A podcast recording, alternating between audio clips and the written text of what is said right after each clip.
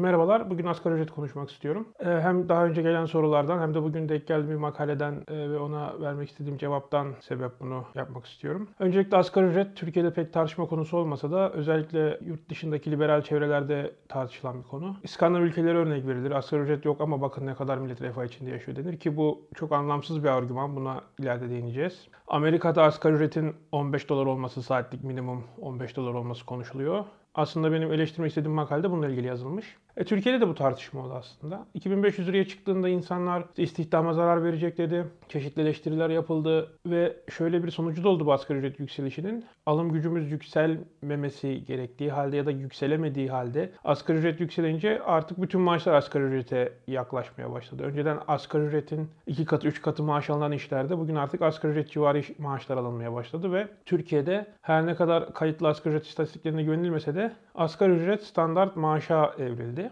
Ee, bahsetmek istediğim FEE makalesi, Foundation of Economic Education. Ee, Joe Biden asgari ücreti 15 dolara çıkaracak, işsizlik artacak, işverenler robotları işe alacak gibi çok bildiğimiz klasik beylik argümanlar. Ee, ve makale şununla başlıyor, Friedman'ın bir sözüyle başlıyor. Politikaları anlamaya çalışırken yapılan en büyük hata sonuçları değil niyetleri değerlendirmektir. Bence bu makalenin yazarı da bu sözü iyice bir düşünmedi. Çünkü 15 dolarlık asgari ücret vaadi havada duran bir vaat değil. E, bu bir Demokratik Parti'deki gittikçe sola kayan ekonomi politikasının bir parçası. Yani siz 15 dolarlık politika hani iktisatçıların favori denimiyle ceteris paribus bir politika değil. Yani her şey sabitken olmayacak. Burada ne düşünülüyor? Açıkça söyleyeyim. Burada etik bir pozisyon da var. Sadece iktisadi açıdan bakmamak lazım.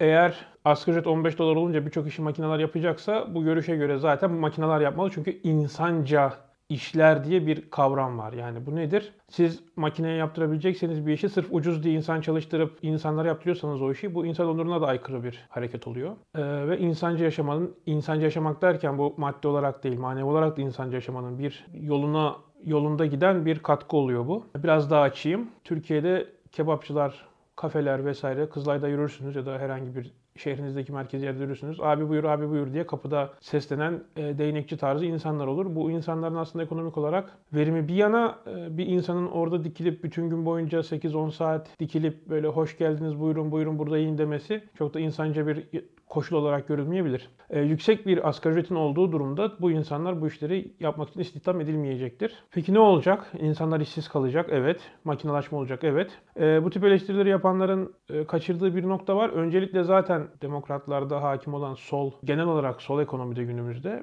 işsizlik maaşı, temel vatandaşlık geliri gibi daha önce de bir videomuzda bahsetmiştik linkini aşağı koyarım. Önlemler alınmaya çalışılıyor ya da böyle şeyler isteniyor. Yani e, işsiz kalacak insan aç kalmayacak, parasız kalmayacak. Burada burada yeniden İskandinav örneğine dönmek istiyorum. İskandinav ülkelerinde asgari ücret yok. Evet ama sosyal yardım var. Çalışmazsanız aç kalmıyorsunuz ve aslında bir asgari ücret de var. Şöyle var. E, Türkiye'den örnek vereyim. Çalışırsanız 2500 lira alacaksınız. Çalışmazsanız 2000 lira alacaksınız gibi bir durum var sosyal yardımın dolayısıyla. Yunanistan'da Atlas Network'ün bir konferansında dinlemiştim Danimarkalı uzmanlar.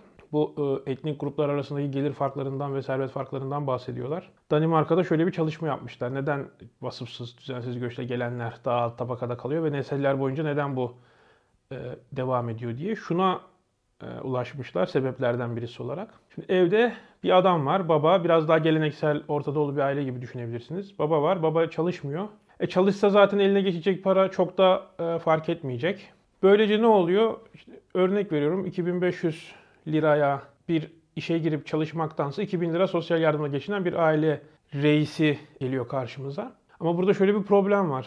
Birçok ülkede, Türkiye Türkiye çok anormal bir durumda bu noktada da asgari ücretle bir işe başlarsanız ilerlemeniz çok olası. İlerliyorsunuz da zaten ve maaşınız artıyor. Ama e, maaşı düşük bulduğunuz için işe başlamazsanız e, ilerleme şansınız, gelinizi arttırma şansınız da olmuyor. Burada sosyal devletin çok güçlü olmasının e, göçmenler üzerindeki negatif müşevvikinin e, bir örneği olarak sunuldu. Bu müşevvik kelimesi de insentif İngilizcesi ama Türkçe'ye müşevvik diye çeviriyorlar. Hani benim Osmanlıcam var az buçuk. Sizin de varsa anlarsınız. Teşvikten geliyor. Yani özetle şunu vurgulamak istiyorum. Siz e, iyilik için politika yapabilirsiniz. Sonuçları farklı olabilir. Ya da politikaları eleştirirken yanlış yola gidebilirsiniz. Çünkü e, niyetleri yanlış algılarsınız. Türkiye'de bu çok yapılır. Örnek veriyorum. Türkiye'de üniversitelerin görevi insan yetiştirmek olmadığı halde siz bu üniversiteleri insan yetiştiremiyor diye eleştirirseniz arabayı çok hızlı uçamıyor diye eleştirmek gibi bir şey. Bu hiçbir anlamı kalmaz. Yani özetle şunu söylemek istiyorum. Bu Amerika'daki tartışma işte 15 dolara asgari ücret çıkarsa insanlar işsiz kalacak, otomasyon artacak. Evet bunu isteyenler de biliyor bunu zaten. Aşağıya ekleyeceğim bir makalede bunun bir diğer yönünü tartışmıştım. Şöyle bir araştırma daha var. Deniyor ki asgari ücret artarsa enflasyon da artar. Tamam kabul. Toplumsal refah asgari ücret artışını karşılayamaz ve düşer. Tamam bu da kabul ama şunu eklemek istiyorum. Şimdi siz maaşınıza %10'luk bir katkı alacaksınız. Maaşınız %10 zamlanacak diyelim. Ama bütün fiyatlar %8 artacak. Siz bunu ister misiniz? Ben olsam isterim. Şimdi zaten tartışmanın bir yönü de bu toplumsal bir kalkınma, toplumsal bir istatistik, GDP bilmem ne. Yani siyaset böyle yapılan bir şey değil. Size 15 dolarlık asgari ücreti vaat ederken zaten o asgari ücreti alan insanların maaşı artsa bile onlar şunu biliyor ki tamam kendi refahları artacak. Toplumsal refah biraz daha düşecek ama günün sonunda kendileri net kazanan olacaklar ve bu çok meşru bir talep. Siyaset böyle yapılır zaten. Joe Biden'ın 15 dolarlık önerisini şöyle düşünün bir de. İdealimizde bir hedef var. Yani niyetimiz herkes çalışsın da minimum 15 dolar alsın değil. Niyetimiz şu aslında. 1. Saatlik 15 doların altında ücret alınan işler yapılmasın. Yani insanca yaşayamayacağımız işleri yapmayalım. Robotlar yapsın, makineler yapsın. 2. Bu teknoloji geliştiren, inovasyon peşinde e, koşan kuruluşlara bir teşvik olur. Ne demektir bu? Çok basit bir örnek döner kesme makineleri. Çıkın dışarıda bakın birçok mekanda artık döner kesme makineleri var otomatik. Yani kamerayla mı ısı sensörüyle mi yapıyor yoksa zamanlamayla mı yapıyor bilemiyorum. Ama ilk onları gördüğümüzde e, arkadaşım ilginç bir şey söylemişti. Gördü böyle makine hızlı gidiyor. Aha dedi iki kişi daha işsiz kaldı dedi. Hani bu politika yapım süreçleriyle ilgilenirseniz böyle yan etkileri de oluyor. Yani özetle bunun e, inovasyonu tetikleme gibi bir görevi ve niyeti de var. Üçüncüsü sosyal devletin büyümesi, nakit yardımlar, e, evrensel vatandaşlık geliri gibi politikalarda bunun etkisi var adım adım geldik. 15 dolara çıktı maaş. Bir kısım insan o kadar değer üretemediği için işten ayrıldı. Onların yerini makineler aldı. Bir kısım insanın da refah arttı. Üçüncü aşamada demokratların istediği daha fazla sosyal yardım, daha fazla kaynak aktarımı, daha yüksek vergiler ve e, vatandaşlık geliri gibi politikalar da bu sayede çok daha gerçekçi ve zorunlu hale geldi. Şöyle bir niyet daha olabilir. Bu niyet değil de şöyle bir yan etkisi daha olabilir bu politikanın mesela. E, düzensiz göçmenler için, yasa dışı çalışan göçmenler için de asgari ücretin altındaki işleri onlara iletilmiş olur. Yani vatandaş olanlar sosyal yardımla geçinirken kaçak olarak gelen çalışanlar da asgari ücretin altındaki işlerde çalışarak belirli bir istihdam şansları olur. Belirli bir sosyal hayata entegrasyon şansları olur. Ha, bu bir kast sistemi yaratıyor. Bu da belki başka bir video konusu olacak. Artık ırk temelli vesaire ayrımlar yok ama vatandaşlık temelli ayrımlar çok ciddi anlamda yaşanıyor artık. Pasaportunuz kadarsınız neredeyse bu dünyada. Bu politikanın bir etkisi daha şu olabilir. Şehirlerin nüfus akışını ciddi şekilde etkileyebilir. Tam nasıl olabileceğini bilemiyorum bu konuda araştırmalara bakmak lazım ama asgari ücretin 4000 lira olduğu bir koşulda İstanbul'da daha çok insan yaşayabilir, Ankara'da daha çok insan yaşayabilir ve bu kültürel dönüşümü daha da hızlandırabilir. Daha ilerici bir toplumu ya da daha şehirli, seküler, gelenekten kopmuş bir toplumu çok daha hızlı bir şekilde ortaya çıkartabilir. Böyle etkiler olabilir. Aklıma gelenler bunlar ama bu 15 dolarlık asgari ücretin bir değil birçok etkisi olabilir ve bu etkileri zaten bu politika isteyenler biliyorlar ve çalışıyorlar. Yani insanlar işsiz kalacak, sokağa düşecek değil. İnsanların işsiz kalması belki de bu politikada istenilen şeylerden birisi ki daha fazla kaynak yeniden dağıtımı savunulacak.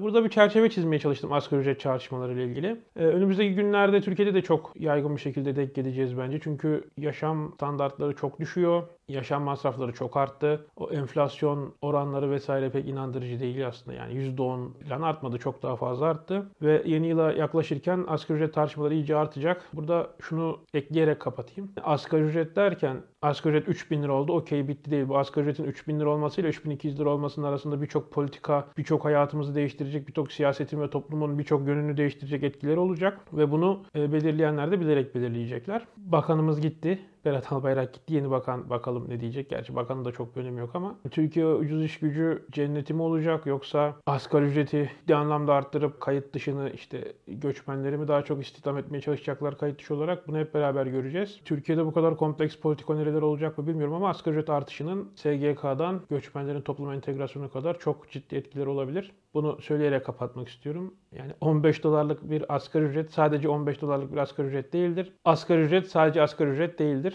diyerek kapatayım. E Şimdi kendinize iyi bakın. Umarım bu soruyu soran arkadaş iyi bir cevap almıştır asgari ücretle ilgili ne düşündüğüme dair. E, diğer sorularla ilgili yavaş yavaş programlar yapıp koyacağım. Formatı biraz değiştireceğim. Belki 5-6 dakikalık kısa videolar da koyabilirim. Her biri 15-20 dakikalık olmak zorunda olmayacak. Umarım bu da e, beğeneceğiniz bir şey olur. E, Bu konudaki yorumlarınızı da bekliyorum. Sorularınızı da bekliyorum.